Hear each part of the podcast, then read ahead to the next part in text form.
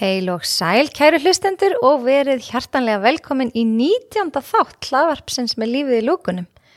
Þema dagsins er líkamleg hilsa og ég mun fá til minn frábæra viðmælendur sem fá að kynna sig hérna rétt á eftir. En mér langar að segja frá því að þessi þáttur er í bóði Unbroken. Unbroken er náttúrulegt orkuskott án koffins sem flýtir fyrir endurheimt og styrkir ónæmiskerfið.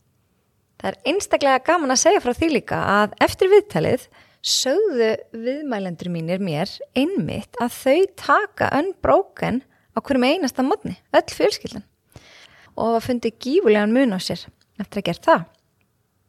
Ég hef sjálf tekið unbroken með hljöfum í nokkur ár og þegar ég var að æfa sem mest þá fann ég gífurlegan mun á endurheimtminni og núna tek ég þetta aðalega til að styrkja ónæmiskerfið því að þetta er með hátt hlutfell af B12, zink og selen. Þannig að þetta er hágeðavara sem ég get svo sannarlega mælt með.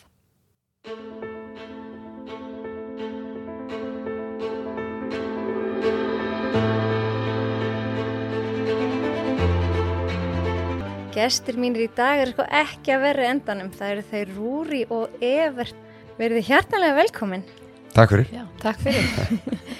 uh, fyrir þá sem ekki vita, þá eru þau sem sagt hjón. Það er rétt. Og hérna, Evert hefur nú verið kannski svona eh, meira í fjölmiðlum en þú Rúri.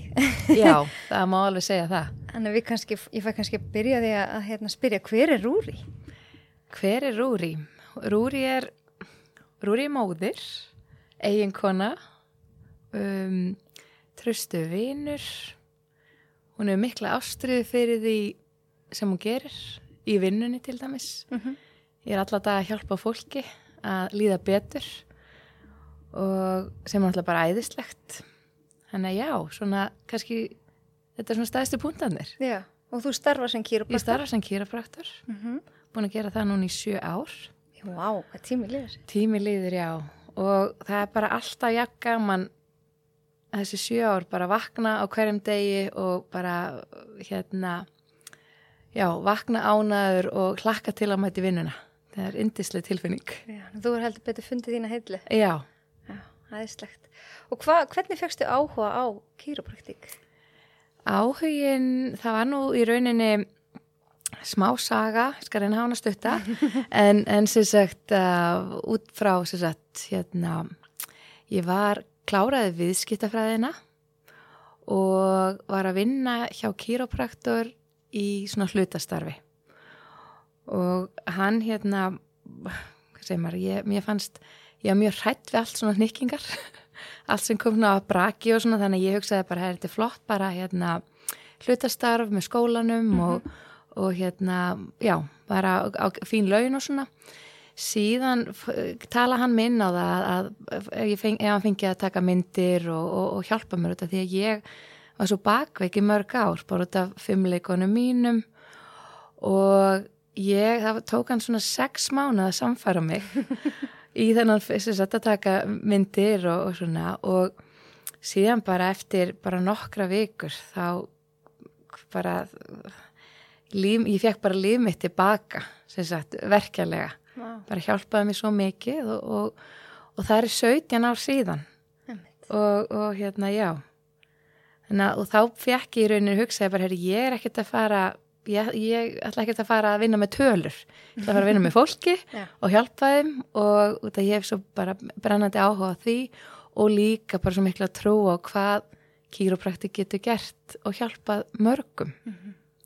Einmitt, við kannski förum aðeins betra eftir yfir hvað kýrópraktik mm -hmm. er en mér langar líka svolítið að spyrja hver er Evert? Já, ég er fadur svo ég byrji svona fallega eins og konu minn ha, og það hefur verið mitt aðastarf síðastleginn tvö ár eftir við eignumist sonin okkar, Jökularun og vinna mín lefi mér að vera aðeins meira heima heldur en vinnan hennar Rúrjar mm -hmm. hún þarf að mæta og þannig að ég hef fengið að vera með honum og eða með honum þessum tveimur árum sem hann hefur lifað og það er bara Dásamlega þegar ég horfið tilbaka núna, ég er 51 ás þetta eru, þetta eru tvö uppáhalds ári mín bara á æfinni, verður ég að segja sko.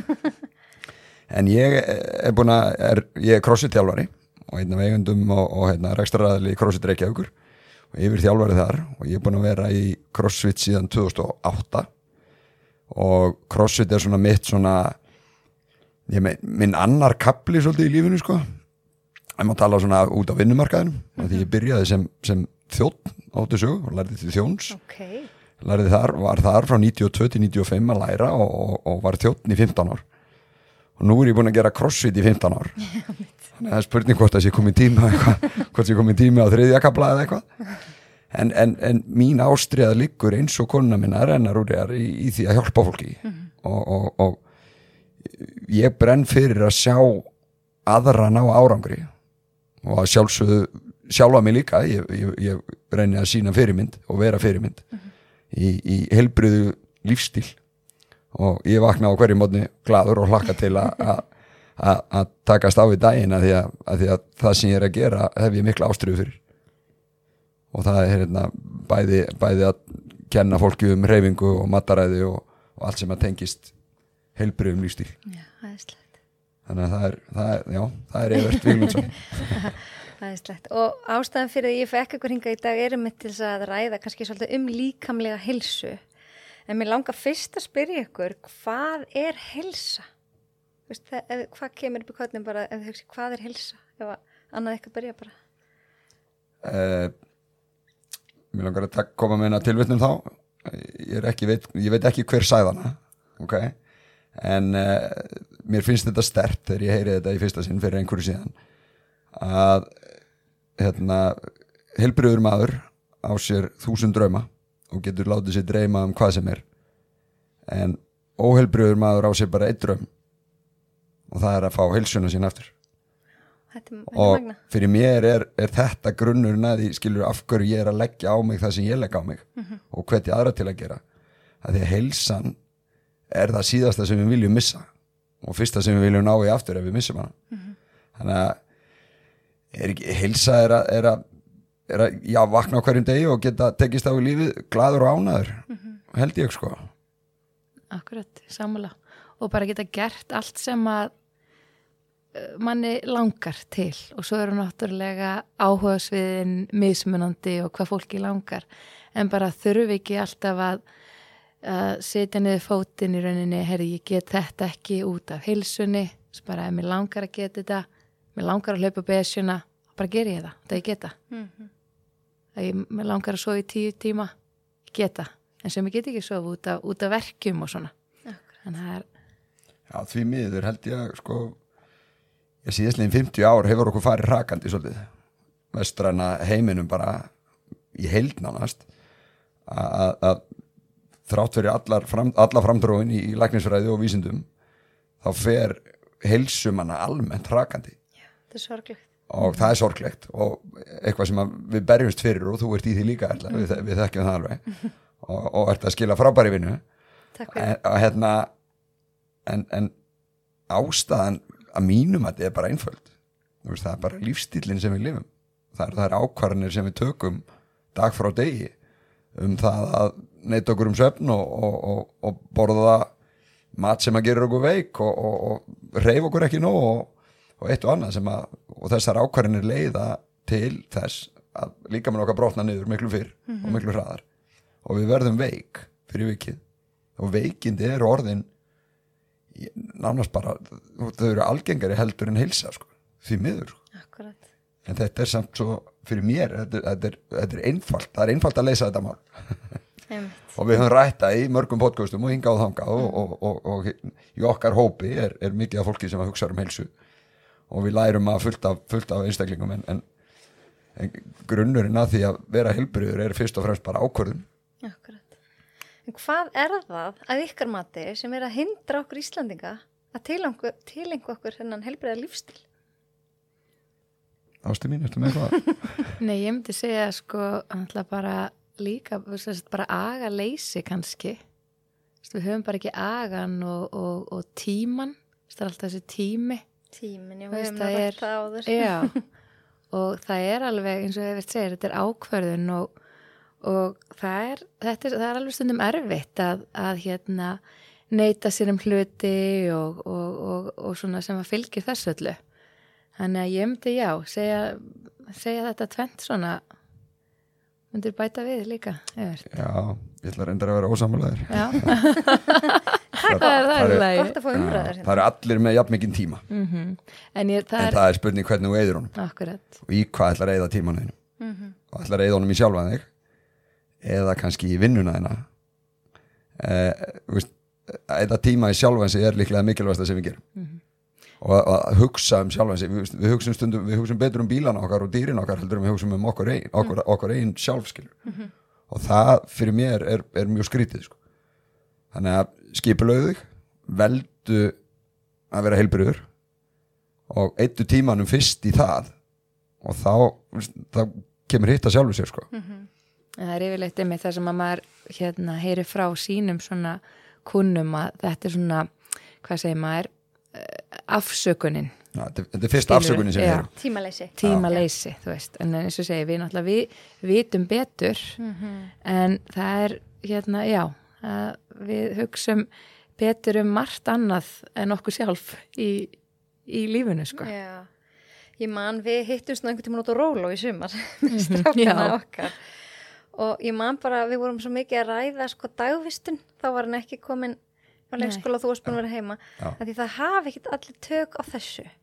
Og eru bara kannski kappi við tíman af því að þeir annarkvort hafi ekki valum annað en að vinna 8 klukkustunda vindag Mhm. eh, eða þá, veist, ég veit ekki hvað, þetta er svo kannski flóki fyrir fólk sem að er að vinna 8 tíma eða, þú veist, eins og hérna, margir lendi að fá ekki pláss fyrir barni sitt og þurfa að vera heima og vinna þá kannski Já. bara á það engan tíma fyrir sér sjálf Einmitt. en Og hvað við- getum við gert? Já, og við náttúrulega vorum mjög heppin hvað var það eins og hvað við erum bæði náttúrulega svona svolítið sveigjanleg í, í vinnu, ég er verktaki þannig að ég get uh, unnið mjög mikið og ég get líka hérna átt stittur í daga þannig að þetta var mikið púsli á okkur í tvö ár en við letum þetta ganga upp og, og aftur að, að sagt, fyrir jökularun að fá að vera svona mikið með okkur að bara Dásamlegt. dásamlegt, já.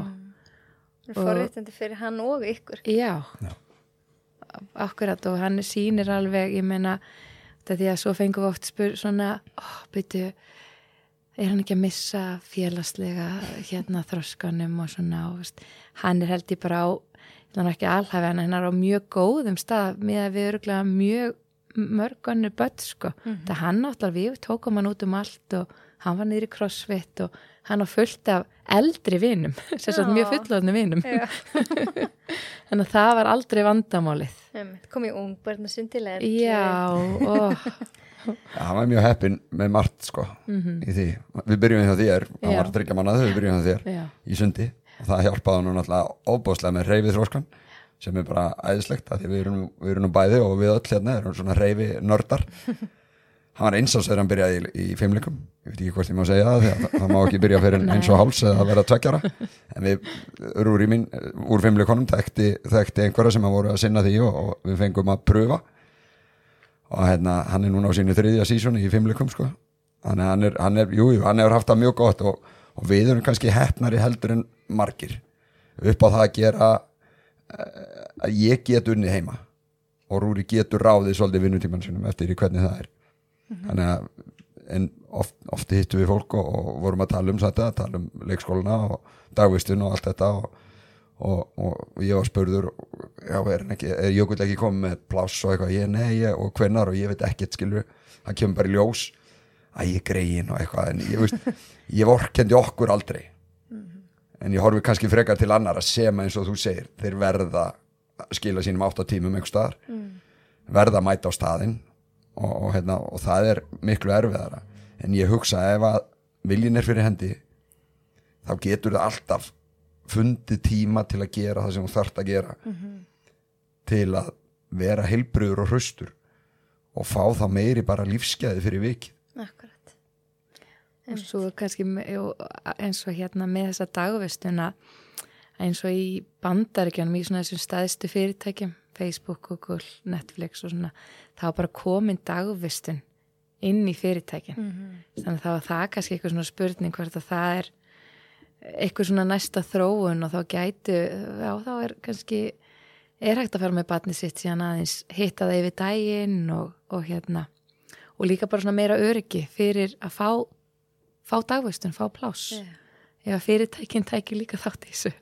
Er bara, bara auka, auka hérna auka ánægistig starfsmanna og, og, og þess aftar Svo finnst mér líka á Íslandi er svo eðlilegt að vinna 100% og jafnvel 150% þess vegna sko. Mm. Að ef einhver er að vinna bara 50% þá bara, akkur? Nei, þú veist, í alvöru, þegar á ef það er geggjað ef einhver vill bara vinna Já. 50% og eiga meiri tíma með börnunum sínum, það er dýrmætt. og ef hann getur það, þá er það bara ekki spurning sko. ég hugsa jafnvel að sko einhvers konar ástæði fyrir þessu sé lífskeiða kap, kaplöpuð okkar. Að það er, það er svo ofbóðslega mikil neysla og það er verið að kaupa svo mikið að þú þarft að eiga fyrir því. Vonandi áttu fyrir því þegar þú kaupir það. Að þetta lærði ég í podcasti hjá þér allar mín þegar hérna, varst að tala um fjárhagslega heilsu. Að eiga fyrir lutunum og hérna en ég hugsa að það sé svolítið sko bara umhverfi sem við lifum í þetta kaplaup ítir okkur að, í að, eigða peningum sem við þurfum svo að sjálfsögða að vinna fyrir og þá, skilur, þann, þannig komin einhvers konar vítarhingur Já. þannig að þú ert alltaf að eigða þannig að þú voru alltaf að vinna þannig að það gleymist skilur, það gleyma svo mörg góð gildi sem að maður ætti kannski að vera að sinna fyrir ykkar, eins og að sinna sjálfum sér og sinna eigin andlegu og líkanlega heilsu Akkurat.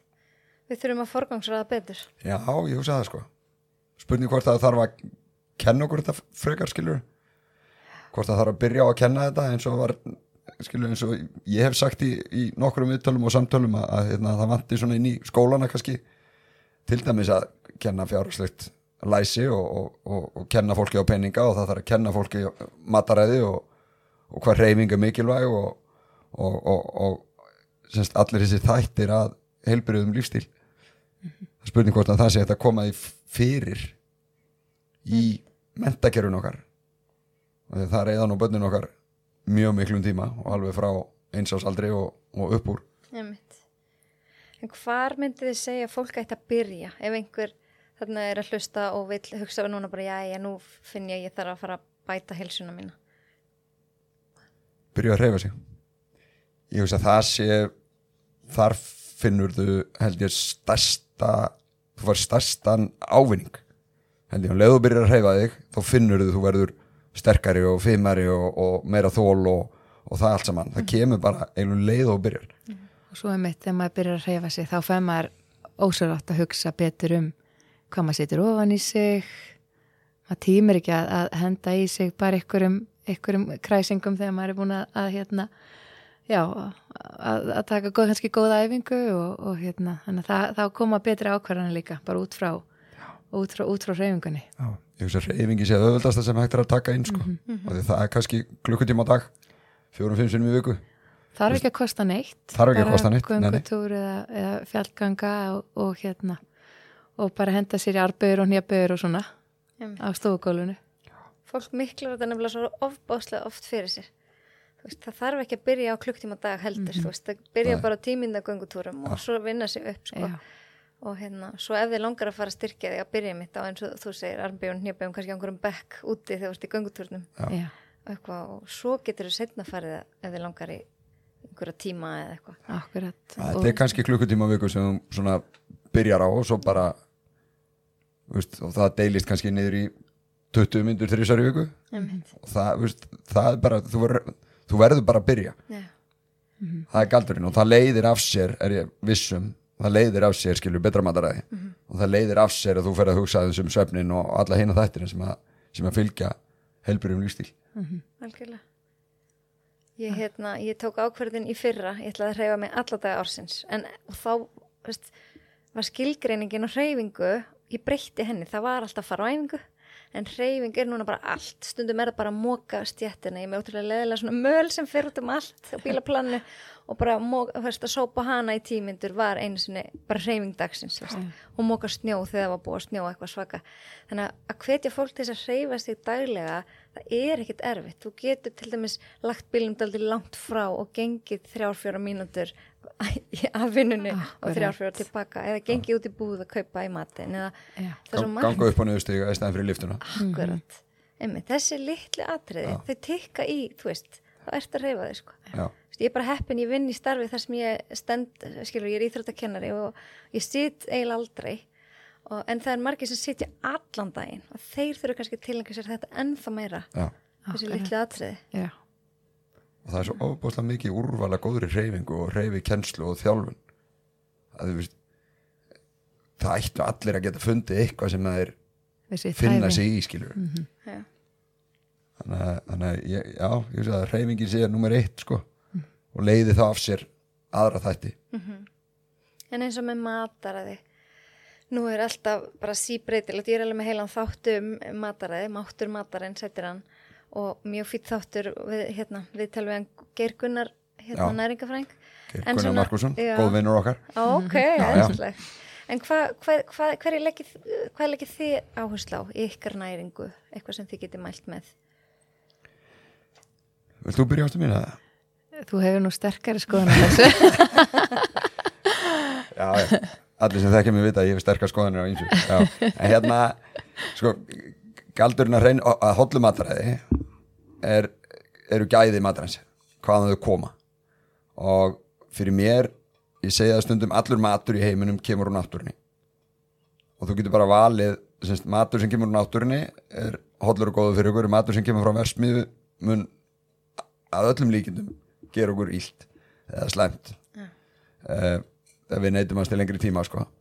þannig að það er voða ein- einfalt að velja það vita allir hvað er holdt Er það? Nei. Það já, virðist kann, kannski er það ekki skilur. Kannski er það bara í mínum veginn. Mér finnst það svo einfalt að hérna, kannski er ég farin að, að mistúlka það og ég held að allir ætti að vita það. En gæðin skipta mestumáli en sérst maturinn komið frá náttúrunar hendi og, og, og það leiðir af sér að ná tökum á því fyrst og fremst. Þá, að mínu viti þá leiðir það af sér skilur að skamtastærir verða réttari og skilur tíðinni máltíða le- gerir, eða kemur að sjálfu sér eiginlega. Mm þegar þú borðar skilur vel samsetta máltíð sem inniheldur prótein og kolvetni og fytu úr náttúrunni þá, þá ertu mettur þangað til að næstu máltíð kemur einhverjum klukkutímum setna þannig að þú þarft ekki að vera alltaf að borða skilur eða alltaf að eitthvað að hérna, narta í eitthvað Nei, við, við borðum svona eins og hjá okkur, við, erum, við borðum svona tvær máltíðir á dag hátteginu og, og kvöldmatt Já. og já, kaffi, eitt kaffi á mótnana og svo er þetta mikið bara kjötfiskur kjöttfiskur og egg, Egg. próteinin okkar koma Já. það græmendu ávestir já, mikið grammiti Já. Það er eiginlega ekkert í ískapnum sem, okkar sem er unnið. Nei, og það er kannski galdurinn við þetta líka að, að hérna, eiga ekki til það sem að maður ætti ekki að vera að borða. Einmitt. ekki nema þá bara hérna, en ísinn sem er stundum í fristi þess að það er ekkert í ískapnum sem er unnið. Ekki tala um fyrst. ég, ís er, ís er hérna, Ekki hjá veikleiki mér, já, já. ís, ís er veikleiki hjá mér. Það er eins og súklar og snögum mér. Já. en ek, bara ekki eiga þetta ekki nema bara úst, á lögði eða eitthvað þú velur þetta í viku það sem að, að því að það er eðlilegt að fara út fyrir ramman Já, og það er engi fullkomin og ekki eins og niður reyna að vera fullkomin af því að það mun aldrei ganga upp. Og hérna, þannig að veldur í dag eða veldur eina máltíð eða eitthvað, hvernig sem þú vilt hafa það. Það sem þú bara leifir þér, þar sem að þú ert búin að hugsa um kannski alla vikuna.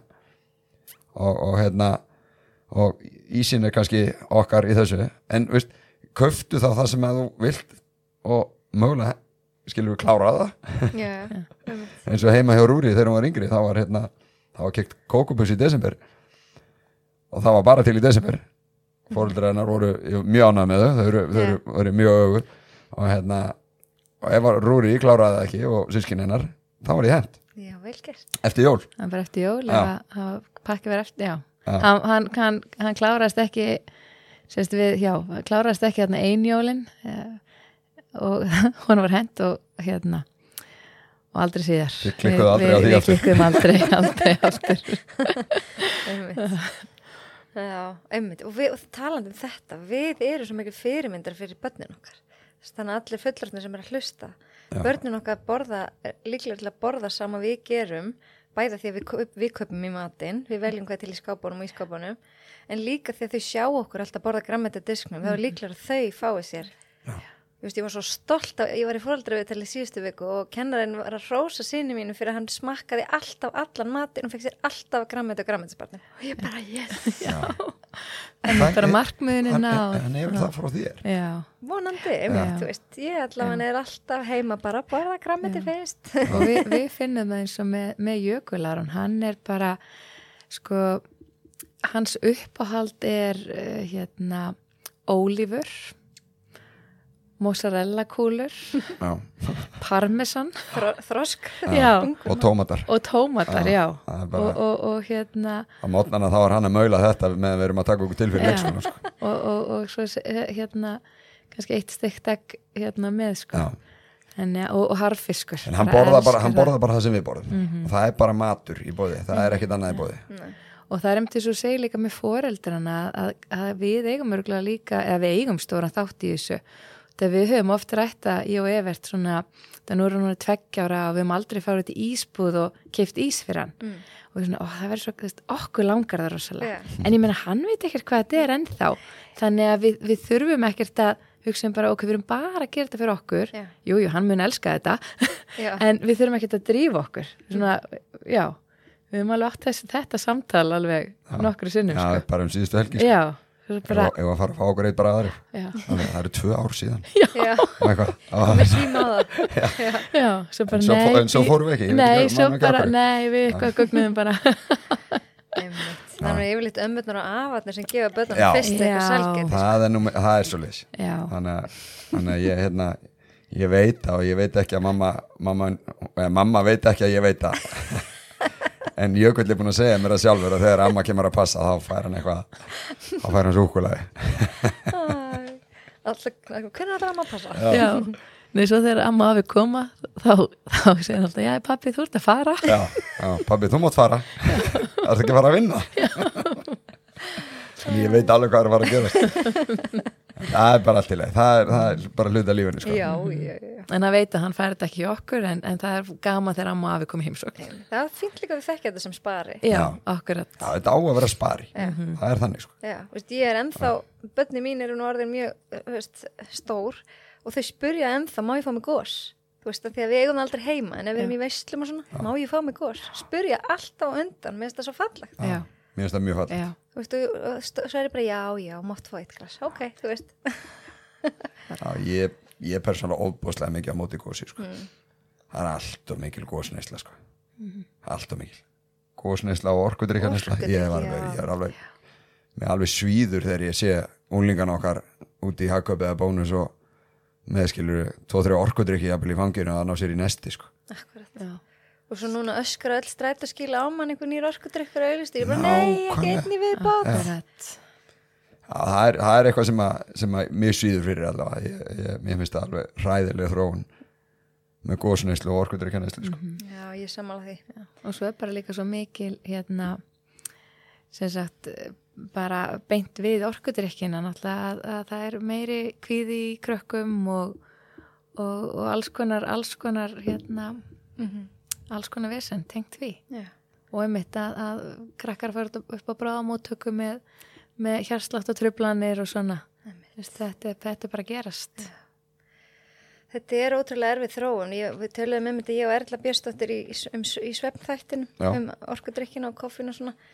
Og þetta er svolítið erfið þróun en við þurfum samt, sko, bæði að vera fyrirmyndir, en við þurfum einhvern veginn að koma sér til yngri kynslaðunar hvaða áhrif þetta í raun og veru hefur.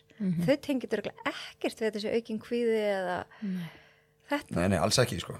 og hérna ábyrðin líkur hjá okkur sem erum eldri að, að, að vera einmitt eins og þú segir, vera fyrirmyndir þú veist, ég sé veist, ef, að- ef að skilur, mamma og pappi eru með orkudrykk þá er bara eðlilegt fyrir að börnin að, að- leiti það líka.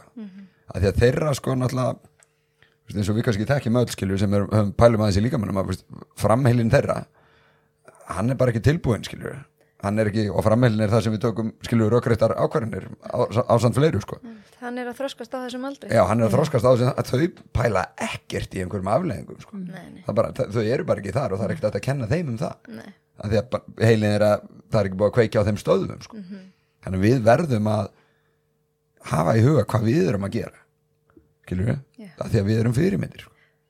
En það er líka bara erfitt fyrir fullorna að taka einhverja skinnsama ákvörðun ef þú sérð ekki ávinningin akkurat núna. Hann Akkurat. gerist eftir ár. Það er rosa erfitt. Þannig ég skil alveg fólk sem er erfitt með að breyta venjum.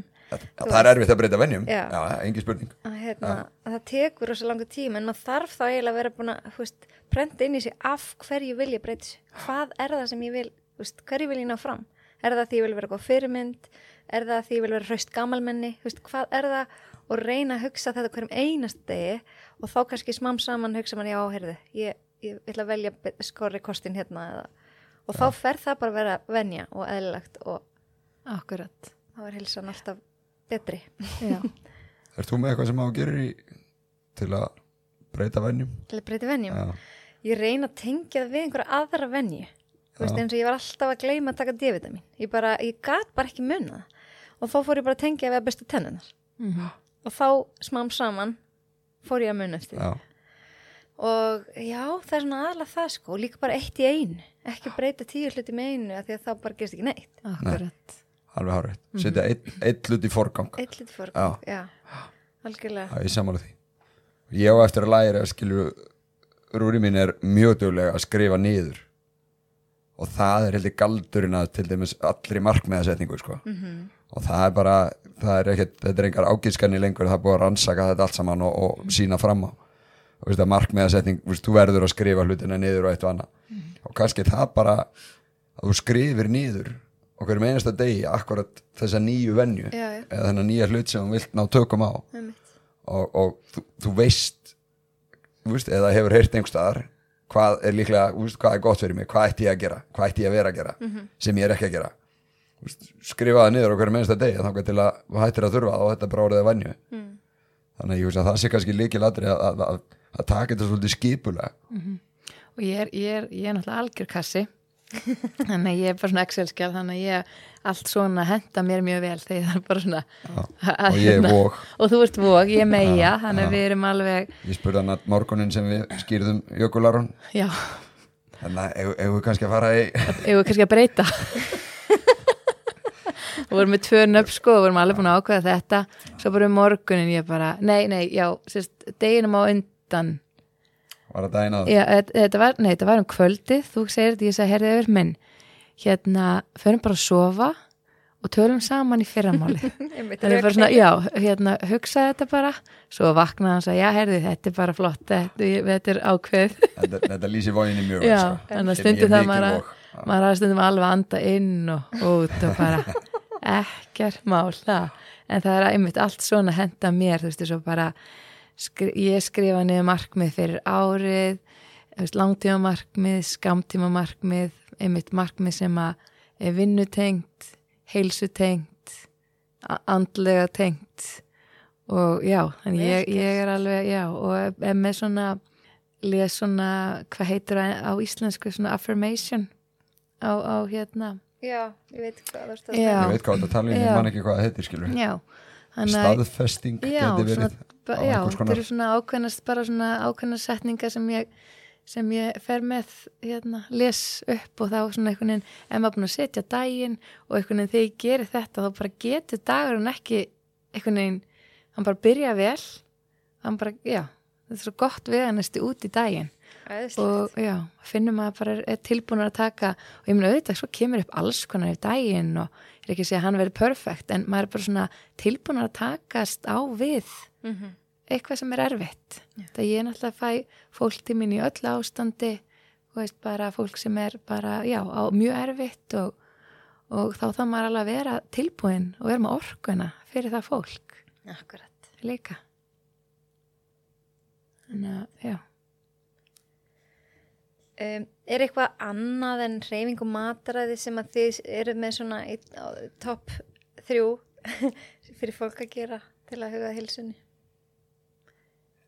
Já, við erum hérna svefnördar og höfum bara, höfum bara hérna, já, við, við tókum til í svefninum okkar.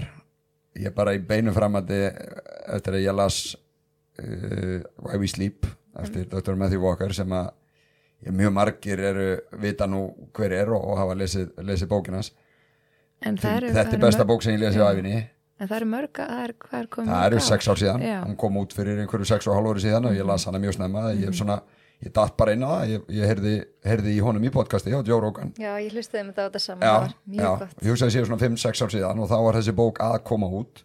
Og ég bara svona, ok, þetta er merkilegt maður. Og ég kaupi bókina eða, og, og hlusta á hana, ég hlusta á bækur sem að skipta mig máli að því að þú veist, ég les svona reyfar á kvöldin upp í rúmi. Og hérna og bara núna síðustu nótt skilju og las ég sömu línuna fjóru sinnum áður og ég myndi ekkert hvað ég var að lesa þannig að það sem skiptir mig máli það reyni ég að lesa að læra yfir daginn. Og hérna, ég kláraði bókina á, á einhverjum 2-3 vikum og, og, og bara leiðu ég, á búin bókina og las ég hann aftur, eða hlustaði aftur á hana.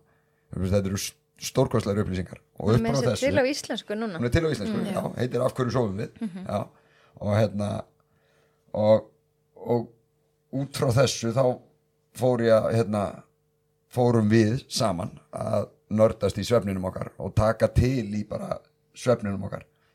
Og það var, úst, það voru gleraugun sem við keftum til að hérna, blokkara bláa ljósin á kvöldin skiljum eða blue light blockers eða sveppgleru held ég að það séum kallur bara á íslensku. Þau fara tveimu tíum fyrir, fyrir svepp já, skellum þeim á okkur þegar við komum heim á kvöldin og erum bara saman hallarslega með, með þessi appisinu gullu gleru og hérna og svo tók hann minn smá tíma að samfara hana rúri mína um að mála svefnherbyggja okkar svart. Og finnst þér munur á því? mjög mikið bara fyrstu nóttina bara. Já, og svefnherbyggja okkar á að vera þannig eða staðurinn það sem við svoðum hann á að vera þannig að þeir eru búin að slökka og draga fyrir og sérðu ekki hendurnar að þeir fyrir fram að þér. Einmitt. og þannig á það, það er bara það er besta svefni umhverfið þannig að við, svefnherbyggja okkar er svart svarta gardinur og, og, hérna, og það er bara og það er kannski ekkit endilega fallegast og, og það, kemur aldrei í hús og hýbili sko. en vákvað við sofum miklu betur. Og við hugsaðum það líka, það er engi, ég menna þú ert ekki að fá gesti í kaffi eitthvað inn í svefnherbyggitt skiptir engum máli. Svo er þetta bara, mér finnst það bara mjög flott. Mér er það bara lag sko. Já. Já, bara mjög fínt sko. Þetta svona- þetta skiptir rosalega máli. Svefnin að því að ég segi stundum sko, góðu dagur byrjar á eða frábær dagur, vill ég nú snúa við frábær dagur byrjar á góðu nættusvefni Mhm. þannig, að, þannig að ef þú vilt eiga frábæran dag þá setur þú svefnin í forgang. Það er svolítið líkið lettrið sko. Já, og við erum alveg, ég, ég þarf alveg átta tíma, svona átta, átta hálfan. Það er svona minn, minn tími. En við erum alltaf fann að sofa snemma ja, við, förum, við reynum að fara ald, aldrei setn en tíu rúm. Það er bara, það er ekkert sem að skipti máli meira heldur en að fara upp í rúm eftir að kluk, þegar klukkan er að, er að renna í tíu. Og þá erum við að vera með glerun okkar í tvo tíma. Já, vel gert. Svo býðir bara þanglið í úlinga. já, maður þurfa að vaka eftir Já, þeim. einmitt, já, það er, er svona aðeins öðruvísi en ég er bara svo heppin að maðurinn minn er B-típa þannig ég fer ofta að sofa undan börnunum mínum sko. en það er nú eðlilegt. Erla tala nú um það líka, ég hef nú hlustað að Erlu Erlu Björns já, þá. Já, að úlningarnir eitthvað klukkan þeirra, líf, lífsklukkan þeirra er bara á öðru tíma svæði heldur en okkar fullorðnarfólksins eða, eða krakkana skilur, lillubötnin svo bara skilur, allan sólaringi til að byrja með. Og við erum búin að vera mjög heppir með Jökul að hann sefur 8 til 8 og búin að gera síðan að hann var 8 vegna. Er bara hann, hann, hann, hann hérna hann hlustaði svo mikið á þig tala um svefn Já, ég þegar- svona heft í mér eitthvað. Hann tók það til sín alveg strax en við reyndar vorum mjög meðvituð um það og ég sérstaklega og Rúri gerir nú grína mér þegar hann fættist þá bara þá var ég strax með plan um að koma honum í svefnrútínu nummer eitt Já. af því að það er svo grunnurinn að bara öllum þroska í líkamannum hans og heilanum hans og allt það skilur að sofa nú og náttúrulega líka fyrir fóreldran og alla sem er í kring mm. að geta sofið og, og, og það leiti til þess er ég handvisum þessi rútína sem við fórum bara að vinna það strax. Já, bara strax að á- átta vikna byrjar hann að sofa alla nótina í 12 tíma. Og hann er búin að gera það síðan. Æðislega sem er alveg magna og ég hugsa að það er ekkit einstakt við hann. Nei, nei. þetta er bara, ég, þetta, tók, þetta er bara eitthvað sem er hægt að gera sem allir þurfa að, eða ættu kannski að Já. sinna og maður ætti að forgangsraða svefnin sko ekki klípa tíma ef þú ert í tímaþröng, klípa svefninum. Ég var segum um þetta bara í þessu mánuði var bara ótrúlega mikið að gera. Og ég einhvern veginn bara astnast til að vera fara allt og seint að sofa nokkur kvöld í röð. Og þá er maður bara ónýtir. Já. það er bara, ég var svo lengi og svo hérna eitt kvöldi þá bara var ég farin upp í runglega nýju að því ég bara saði ég er gjörsanlega sigruð. Og hérna en það dugar samt ekki. Þú veist, maður er ekki að bæta upp með því Nei. að sofa eina nótt Akkurat. betur ef ég er búin að sofa kannski fimm ræðilega nættur á undan, veist akkurat það er, ekki, það er ekki að það upp á einni nóttu en, en með nokkrum nóttum í röð þá, þá já.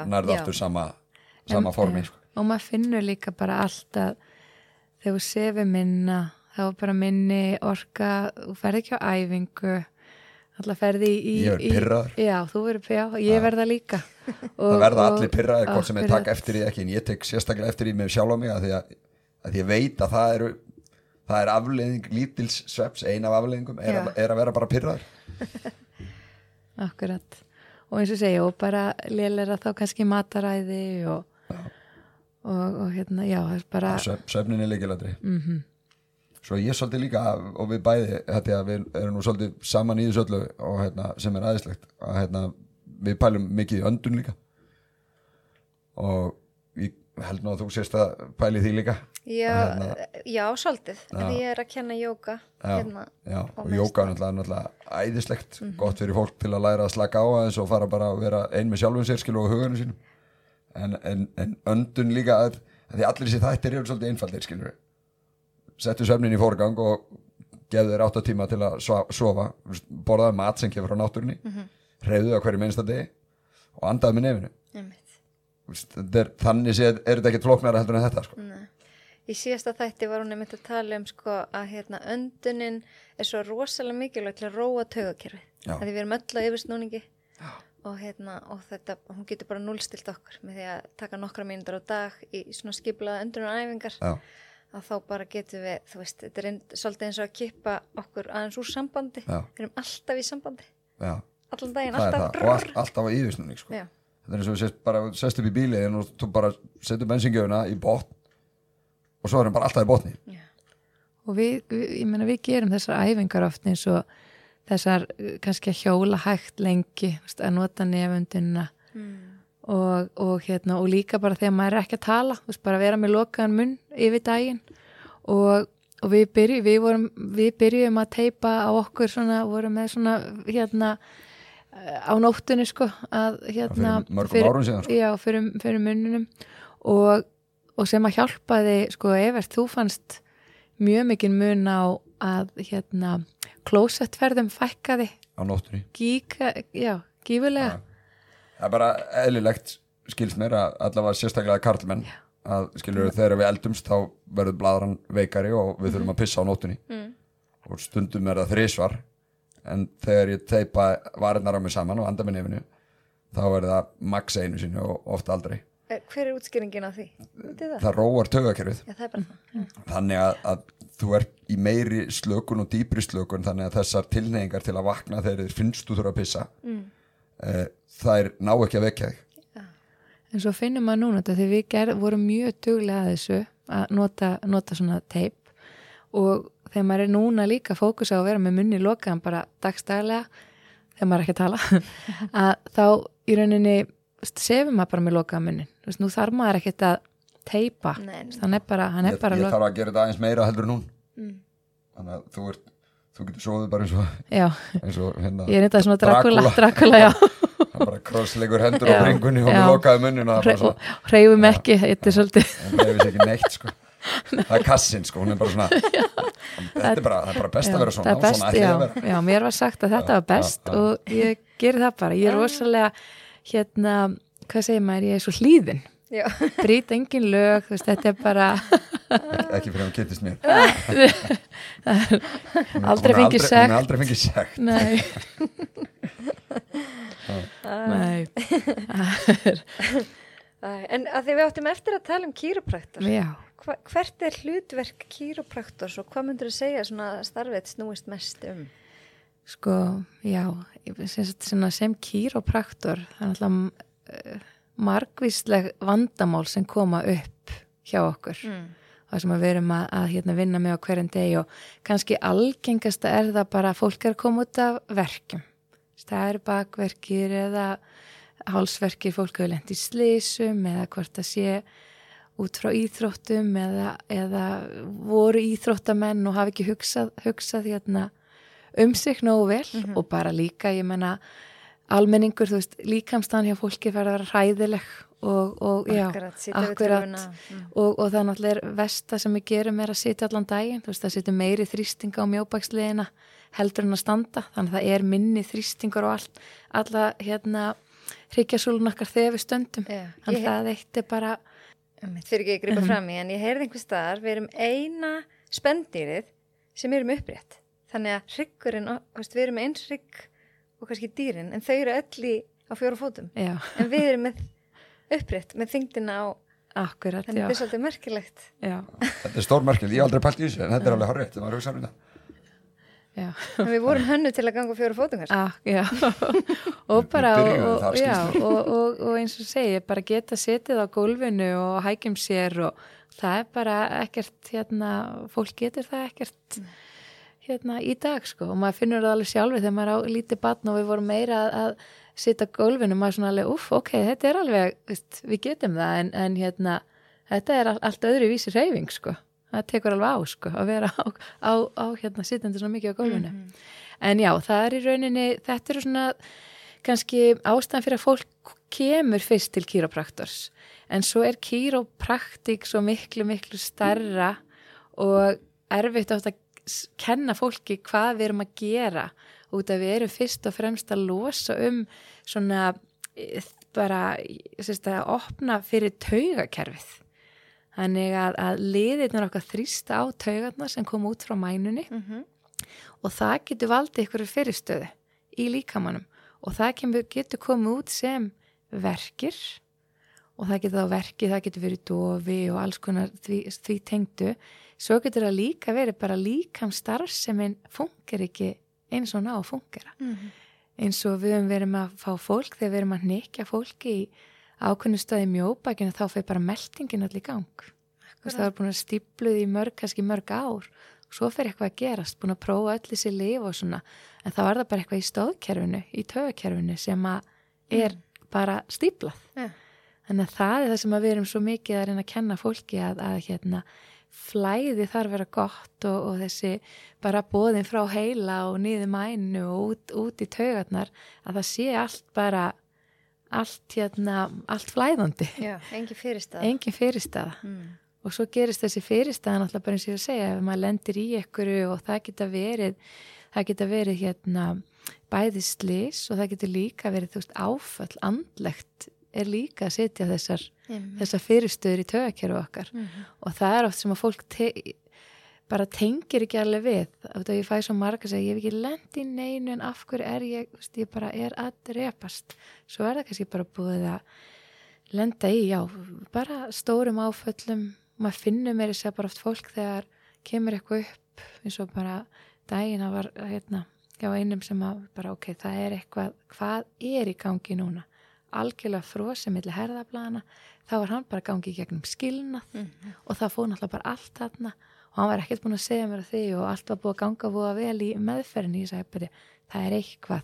Og sagði, já, þetta er, það, það var sérst máli á honum. Mm. og hann bara setti þetta allt þar og, og hérna þannig að hann var svolítið magnað að, að líka fá að finna það bara og á fólki.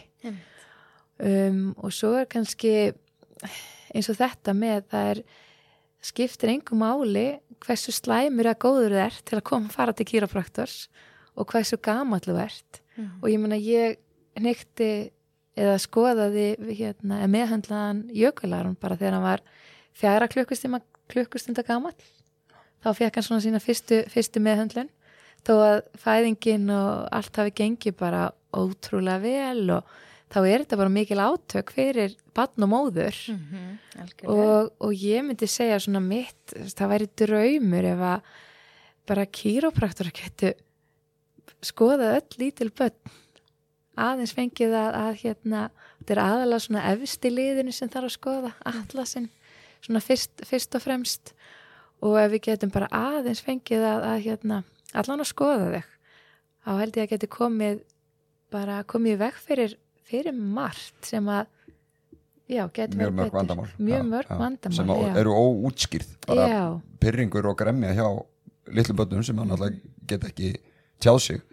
Og við fáum mikið á límiðmitt og með þessi unga börn sem koma til okkar þau eru ekki að koma út af hérna bakverkjum en þá er kannski mikil spenna um, óvarð magakveisa, eirnabólgan og bara svona þessi óvarð, ekki sofi ekki og það er oft bara út af óbúslega mikil spennu í tögakerfinu ég er ekki að segja þessi alltaf Nei, og það það- kemur út í líkamlega já, emslu. Já, og ég var bara með eitt líti núna um daginn, sem þess að hann var fjagur og hálsmána og var ekki búin að, uh, já, hafði ekki hægðir mjög óreglulegar, það var bara komin átta dagar.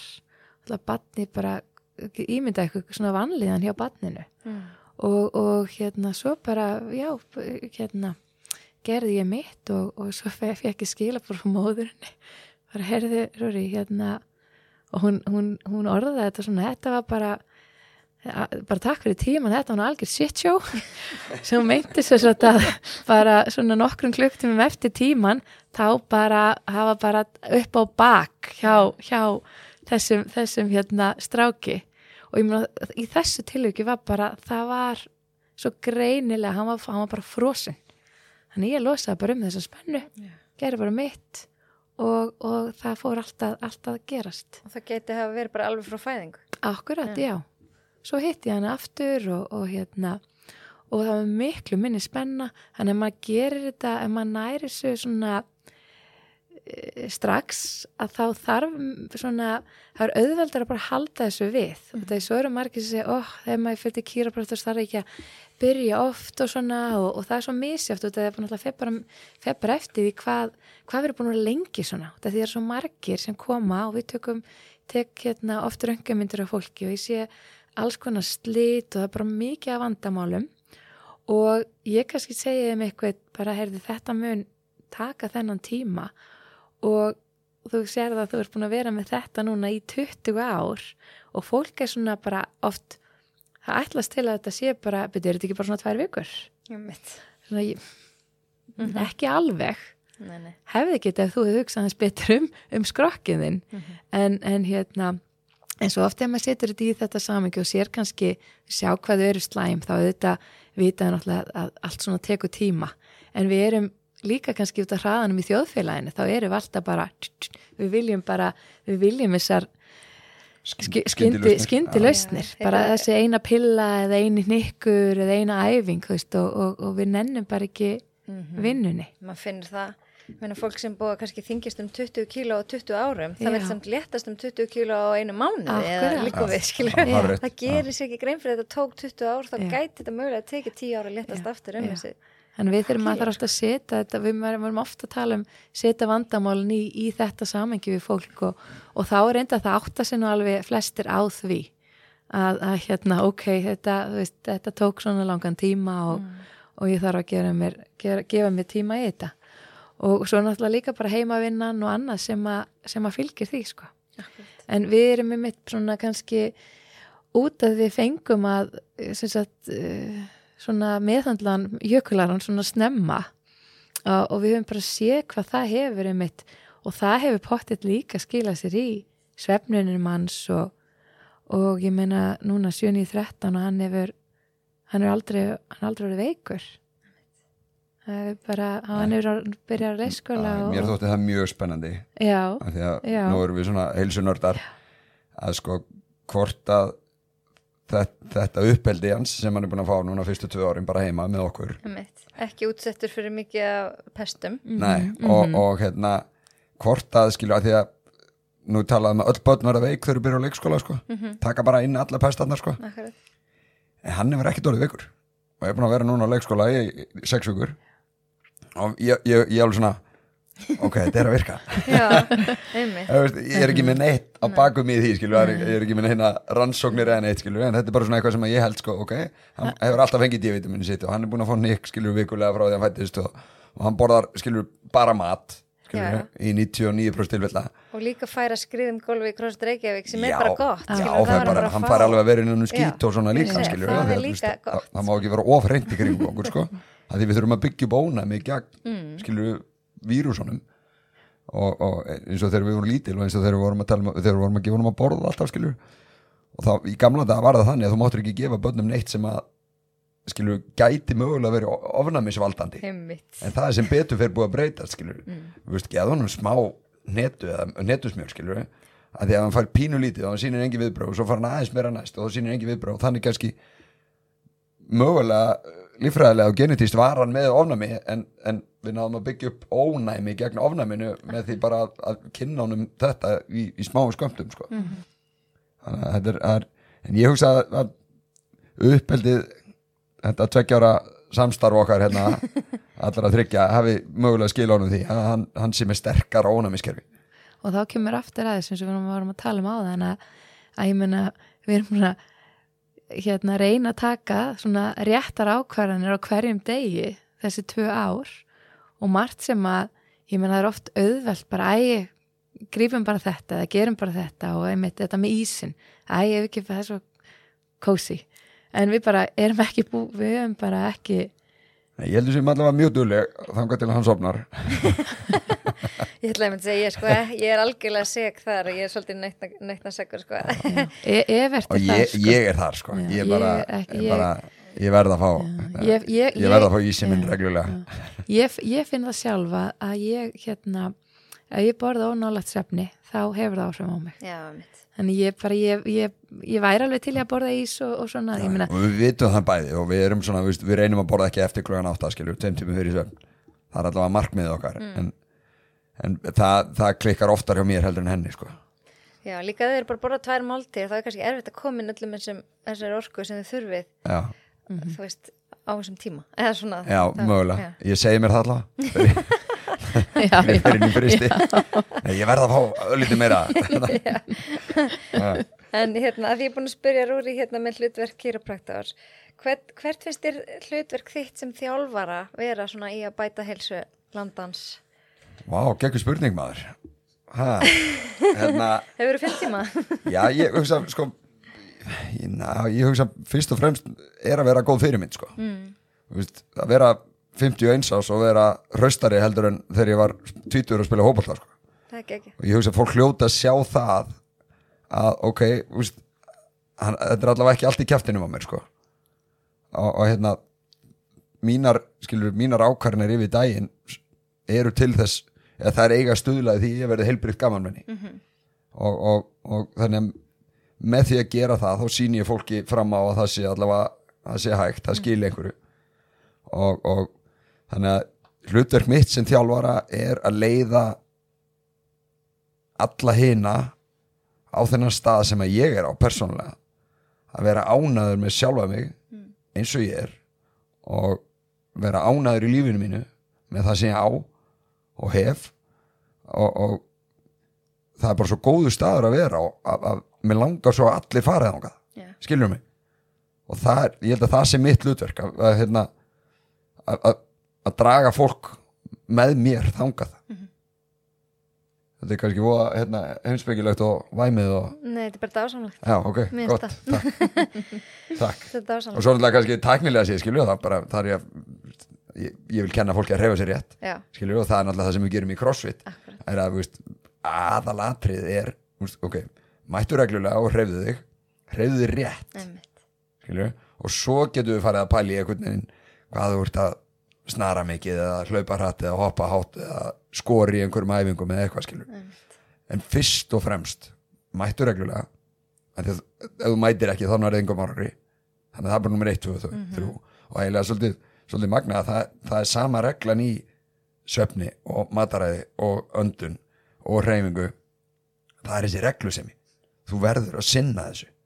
Já. annars gerist ekkert maður sko. er uppsker eins og maður sáir nákvæmlega þannig að það er, það er, það er bara aðalatrið sko. Mætt, show up skilur Einmitt. en hvað finnst þér nú hérna, því nú byrjuðum við bæði crossfit mjög snemma. Já. ég var byrjað bara held ég bara 2008, Já, bara var- þegar að crossfit byrjaði á Íslandi. Einmitt, ég byrjaði sikkurum staðnur þetta já, ég Já. byrjaði bara eftir áramótin 2009 já sko, og hérna, ef ég hefði örgulega farið til þín ef það hefði ekki verið svona langt í burtu. Ég bjóð í Kópavogi og ég sá bara auglist vinkunum mín var sko á grunnnámskeiði hjá þér. Já, varst ekki á Seltjarnanesi? jú, í að Já, þessi fyrst. Og ég frétti af crossfit þar og hún sagði mig frá þessu og mér fannst þetta svo geggjað. Ég bara, vá, ég verð að prófa þetta. Googlaði náttúrulega og fann námskeið í sporthúsinu. Og mætti hjá Leifi Geir Já. í fyrsta tíman og ég man, ég gæti ekki eins og klárað fyrsta voti ég þurfti að leggjast með fætur upp á kassa því mér svimaði svo. Æ, æ. þú veist, ég hugsaði En bara samt íþróttamaður Samt þú ert íþróttamaður. íþróttamaður Já, já, þetta er ekki eins og ég hef verið hræðilegu formi.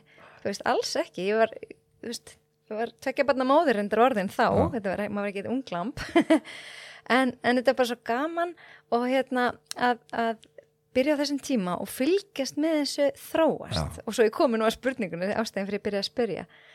Finnst þér þróunin jákvæð þessar breytingar eða ekki? Í crossfit. Í crossfit? mér finnst sko, ég eiginlega get er, ég get eiginlega bara að tala um skilur crossfit Reykjavík. Ok, já, eða þróunina um- þar, er já. það hugsa um almennt í um heiminum? almennt, af því að þegar við byrjum þá þurftu allir að gera eins. Það Já, var á alla skölun já, og Núna- það er, og- og það það er algjör. Já. og þetta var keppni allar allt- æfingar. Já. og Það var Rúri bara- náttúrulega byrjaði í crossfit líka 2000 og ég held að þú hafi komið að annað grunnnámskið hjá mér í crossfit og þar kynnust við sko. Ég ætlaði einmitt að spyrja, hvað já, þið? við, Var kyn, við það? kynntust í CrossFit Æsland í Seltjarnarnesi í World Class. að því að Bergur, kýróprátor sem að Rúri vinnu með og hérna, það er kýróprátorinn sem að leita hana út í allt þetta sem að hérna, alla þess að sögu um kýrópraktíkina og hérna hann kemur á fyrsta grunnaskið og hún var að vinna hjá Bergi og hann bara svona eins og allir sem byrja í CrossFit, þeir tala ekki um neitt annað í CrossFit. Og hann er svona stór, stór personu hérna leiki svona rosalega drífandi og bara, þú veist, ég bara, ég, já, bara ég skráði þig, ég er búin að skráði þig, þú ert að koma. Já, þannig að þar kynntust við.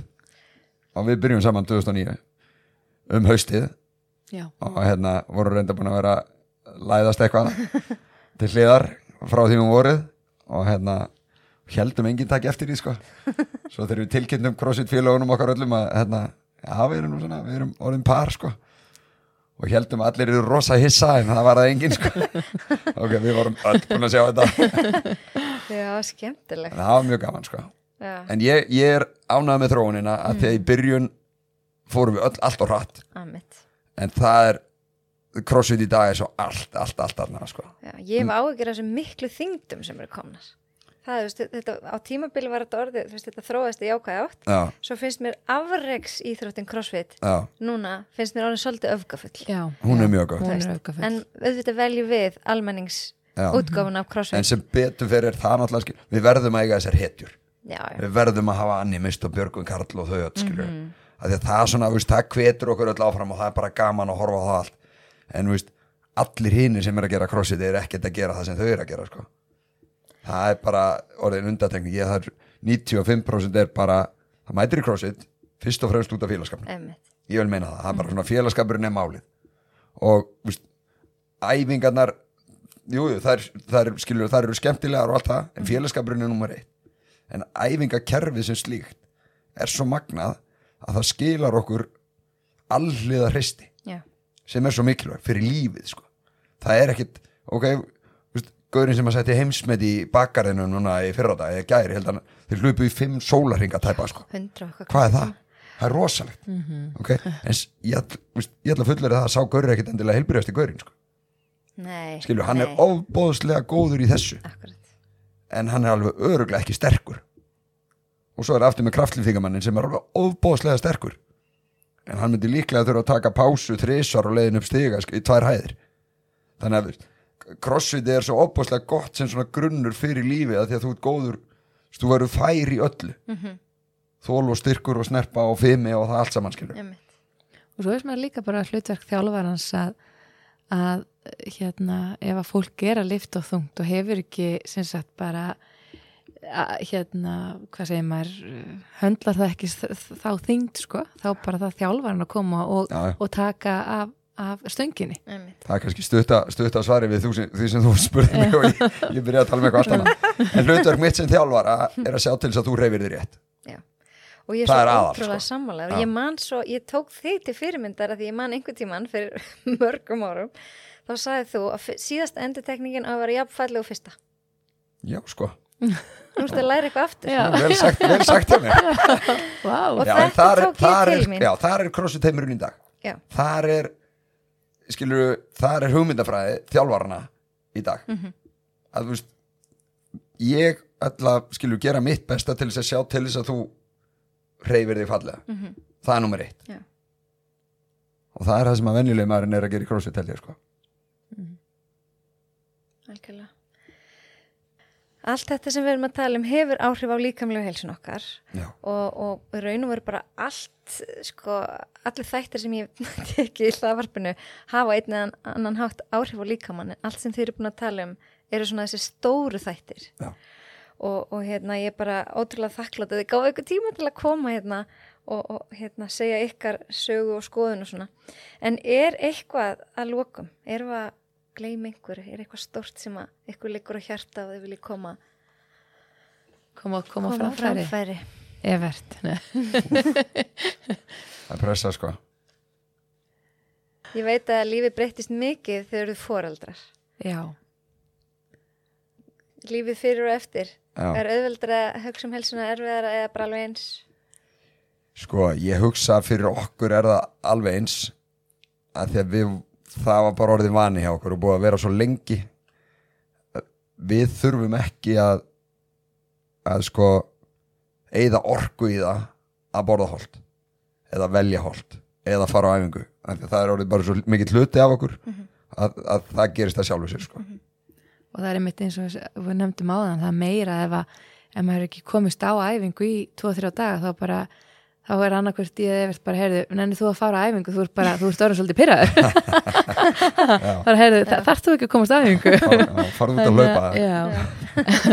Nei, en við höfum líka að þetta er svona eins og með aftur þetta eiga börn og svona, þetta er svolítið fjölskylda er svolítið fyrirtæki og það þarf að sína það þarf að sína bara hvað sem að stuðning og til hvers annars og við höfum alltaf passað upp á að veist, Evert hefur alltaf gefið mér tíma til fræfingu og ég honum og, og við höfum aldrei maður hefur aldrei fundið fyrir því eins og nú er ég náttúrulega vinn mikið og ég fyrir æfingu og, og svo á maður batn en ég hef aldrei fundið fyrir því að ég sé eitthvað lélegri móðir út af því að ég fór á æfingu. Mm því það kannski gerir mig bara betri út af því þá hef ég bara meiri orku og ánæður með sjálfa mig og, og, og þar eftir kvötanum Akkurat.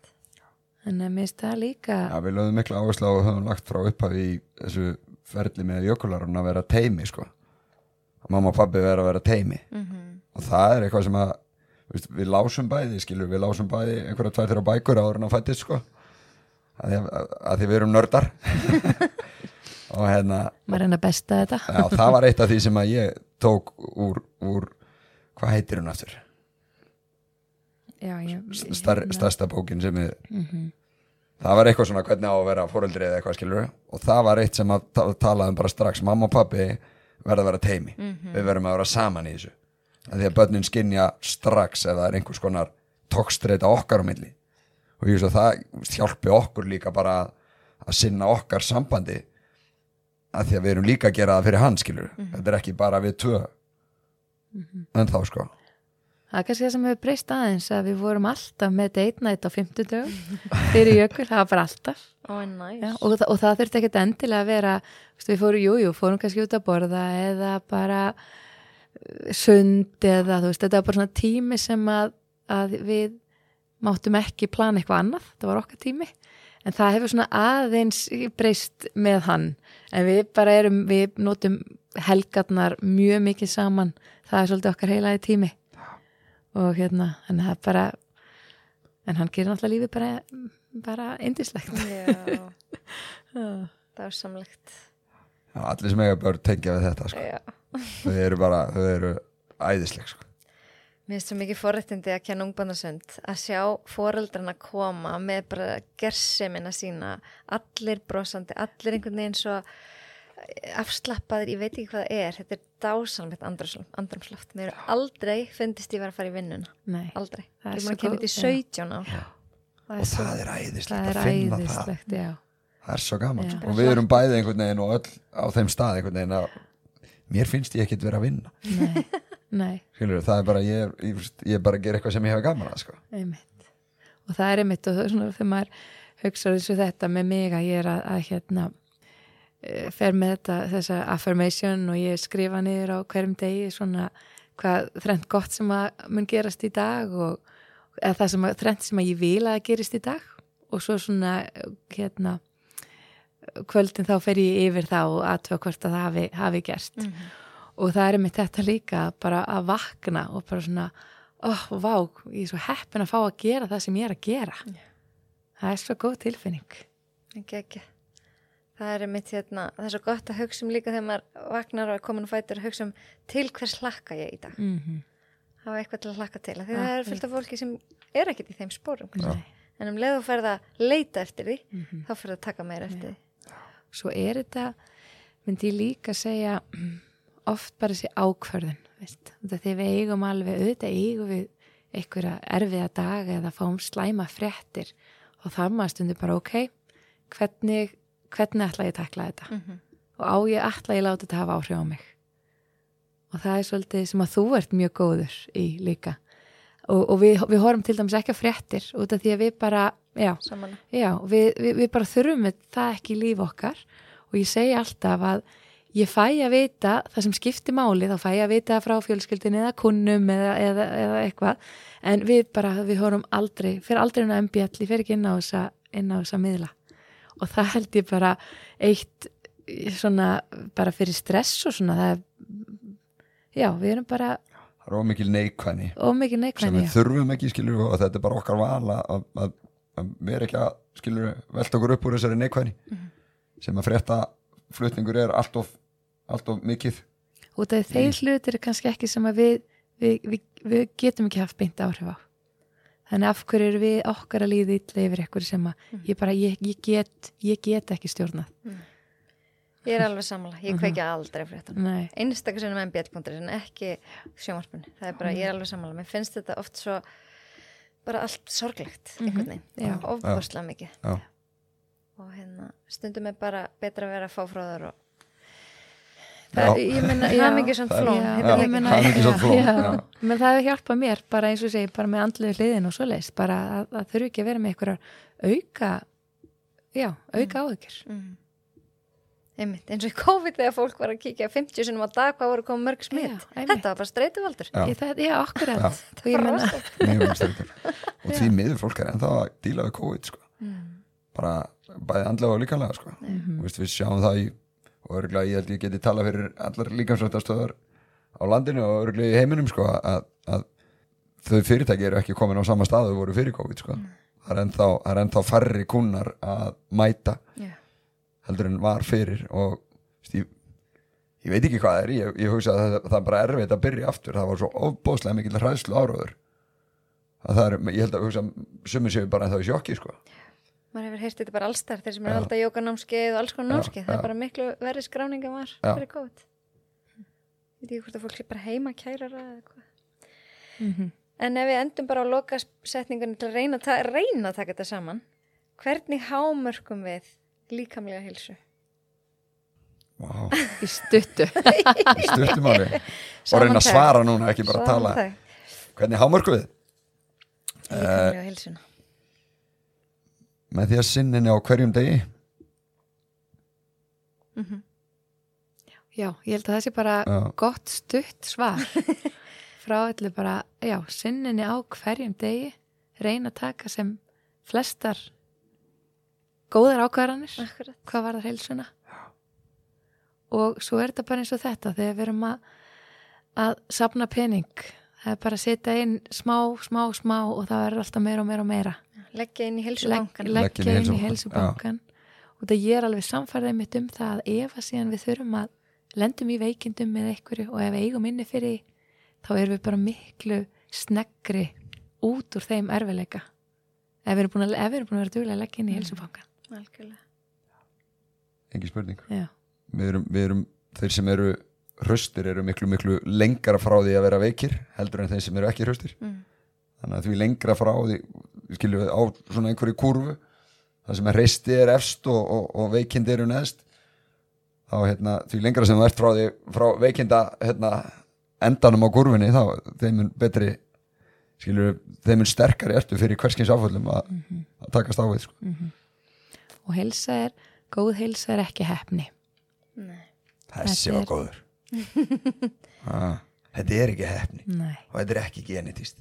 Nei, þetta er bara ákvörðun og svo vinna á hverju minnsta degi sko. já akkurat. Við fáum ákveðin bara, eh, þú veist, spil í hendina náttúrulega líka, þú veist, Já. við fæðumst en við ráðum hvernig við spilum úr þeim. algjörlega sko, algjörlega Já.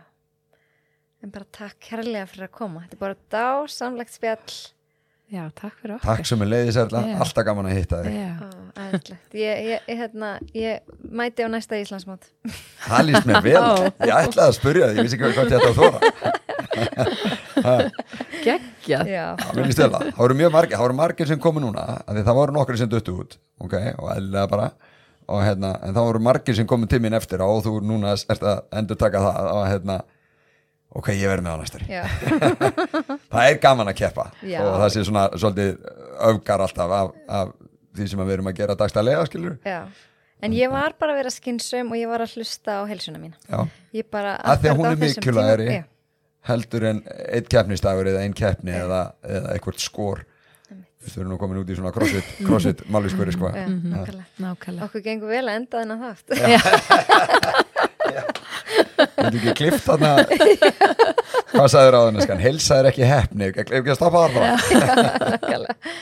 Herði, bara enn og aftur Já. takk fyrir og hérna ég bara hlakka til að fylgjast með ykkur áfram. Þeir eru frábæra fyrirmyndir. Þeir eru Takk. geggjuð. Takk fyrir það.